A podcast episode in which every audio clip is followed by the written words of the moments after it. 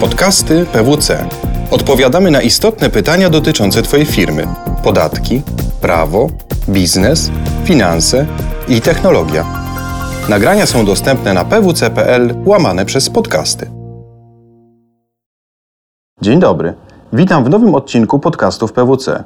Nazywam się Jakub Gołębiowski i zapraszam Was do odsłuchania audycji, w której zadam trzy ważne pytania związane ze skutecznym zarządzaniem podatkami w firmie. Naszymi gośćmi są Mikołaj Woźniak, dyrektor w dziale prawno-podatkowym PWC Dzień dobry. oraz Iwona Patyk, menadżer w dziale prawno-podatkowym PWC.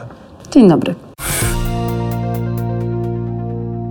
Mikołaj, w prasie branżowej, w środowisku coraz częściej się mówi o zarządzaniu podatkami, o efektywnej funkcji podatkowej, o procesach podatkowych.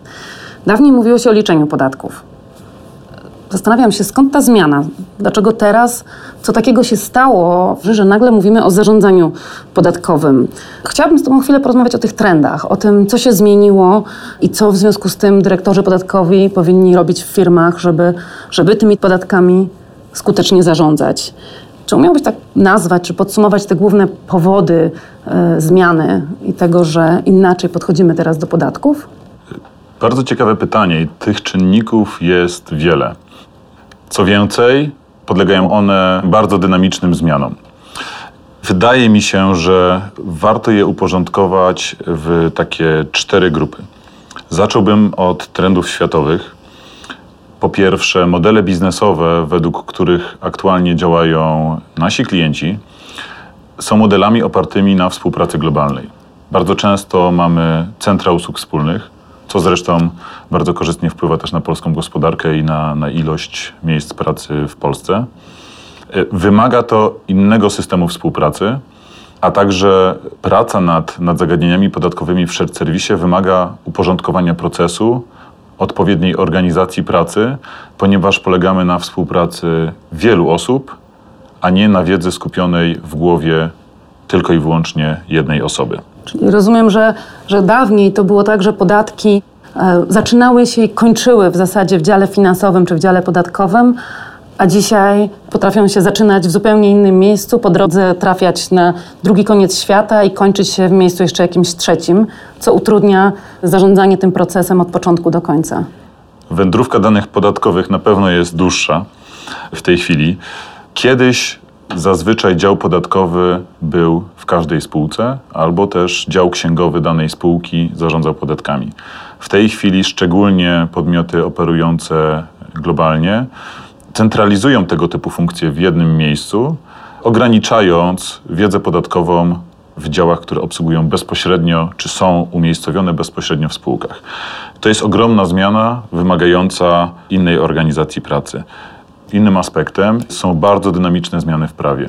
Jednym z czynników, o którym możemy powiedzieć, jest y, transparentność, czyli dane podatników są publikowane, dostarczamy pełne dane transakcyjne, na przykład poprzez jednolity plik kontrolny do władz skarbowych, a poza tym, co tu dużo mówić, w dzisiejszych czasach przez podatki można trafić na pierwsze strony gazet.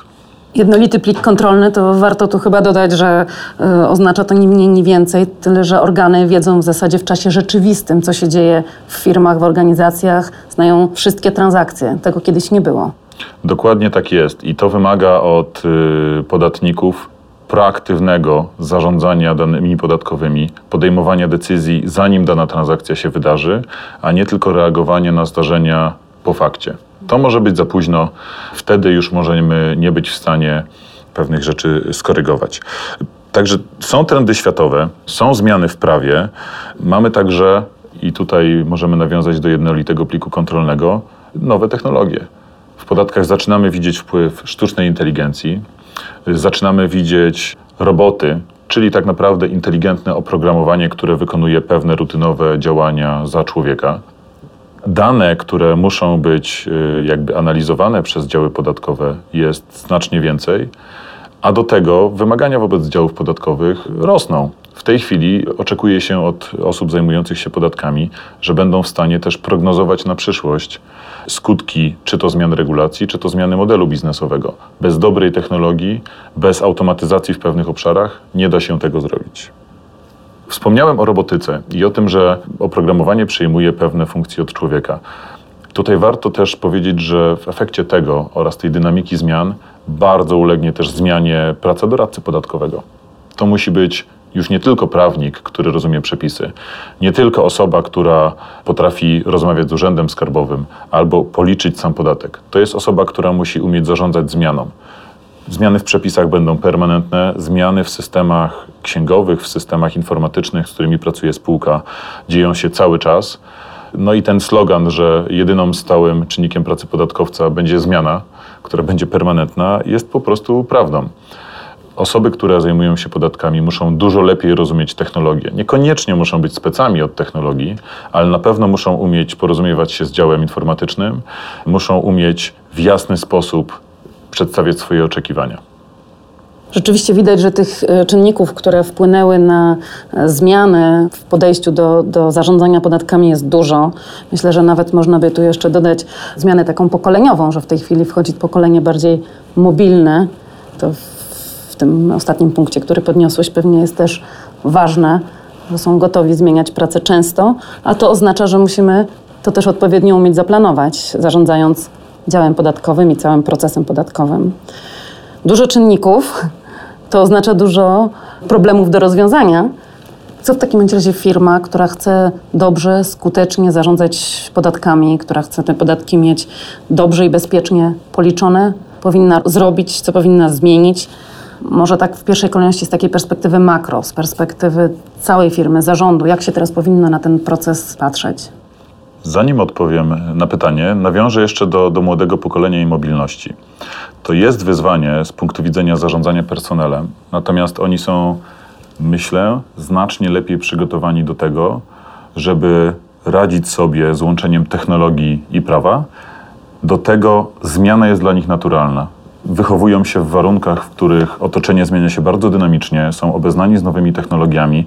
Myślę, że mogą być lepiej przygotowani do tego, żeby sobie radzić z tak dynamicznym otoczeniem podatkowym. A wracając do perspektywy zarządu, ewidentnie w dzisiejszych czasach podatki są sprawą dla zarządu. To jest kwestia bezpieczeństwa podatkowego spółki.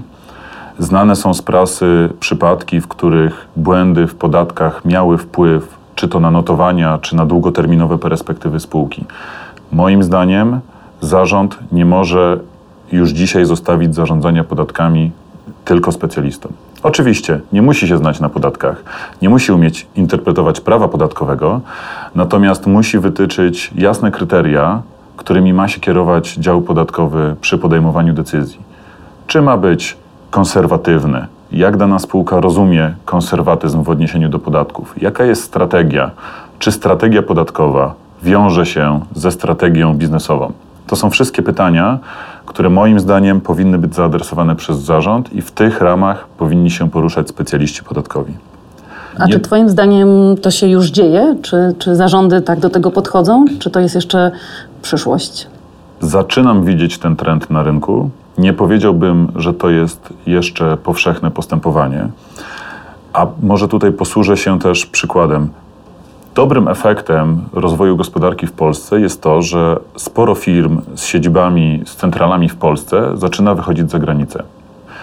Zarządzanie działem podatkowym, który działa w różnych systemach prawnych, jest zupełnie innym wyzwaniem niż zarządzanie działem podatkowym, który działa w Polsce. Osoba, która kieruje takim działem, nie może już się wyłącznie opierać na swojej merytorycznej wiedzy podatkowej. Musi znaleźć inne sposoby na to, żeby kontrolować czy zarządzać podatkowcami działającymi w innych krajach.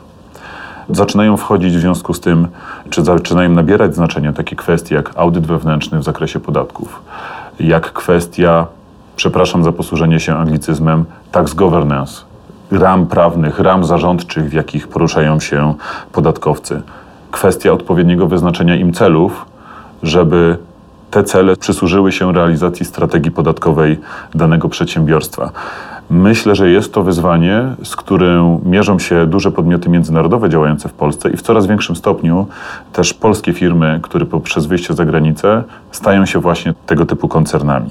Tutaj powiedzieliśmy o aspekcie zarządczym, natomiast warto też pamiętać o aspekcie PR czy społecznej odpowiedzialności biznesu. Coraz częściej biznesy chcą się chwalić tym, że płacą podatki pokazują, jaki jest ich wpływ na lokalną społeczność. Inwestorzy, firmy zagraniczne, które działają w Polsce, chcą pokazać, w jaki sposób dokładają się do sukcesu, do, do, do, tego, jak działa gospodarka w Polsce. Tych aspektów jest wiele i podatki są jednym z istotniejszych. Jest to trend, który, który zdecydowanie widać na rynku i warto o tym pomyśleć. Jest to aspekt inny niż bezpieczeństwo podatkowe. Czyli z jednej strony chcemy być efektywni, chcemy płacić odpowiednią ilość podatków, chcemy to robić w bezpieczny i kontrolowany sposób, ale chcemy też być dumni z tego, że poprzez płacenie podatków przysłużamy się społeczeństwu. Czyli są takie narzędzia, którymi firma może na poziomie takim całościowym świadomie zarządzać i które może świadomie wykorzystać, co dotychczas pewnie jeszcze nie jest bardzo powszechne. Zdecydowanie tak. I to jest bardzo duża zmiana. Przedsiębiorcy zaczynają dostrzegać tą kwestię, a chociażby takie wydarzenia jak publikowanie danych w zakresie podatku dochodowego od osób prawnych przez Ministerstwo Finansów też powodują, że opinia publiczna przygląda się temu, jak biznes realizuje swoje zobowiązania społeczne. Nie można od tego tematu uciec. Zdecydowanie temat podatków często się pojawia nawet w codziennej prasie. Zdecydowanie i myślę, że to jest też bardzo duża zmiana dla naszego środowiska. Musimy się nauczyć mówić o podatkach także do osób, które nie są technicznie ekspertami podatkowymi. Musimy uciec od naszego slangu zawodowego, od skomplikowanych sformułowań, a nauczyć się rozmawiać z opinią publiczną, ze społeczeństwem i mówić o trudnych kwestiach podatkowych w bardzo prosty i przystępny sposób. Rzeczywiście widać, że obszarów e, do zaangażowania się w tematy podatkowe, do decyzji dla, dla zarządów e, jest całkiem sporo.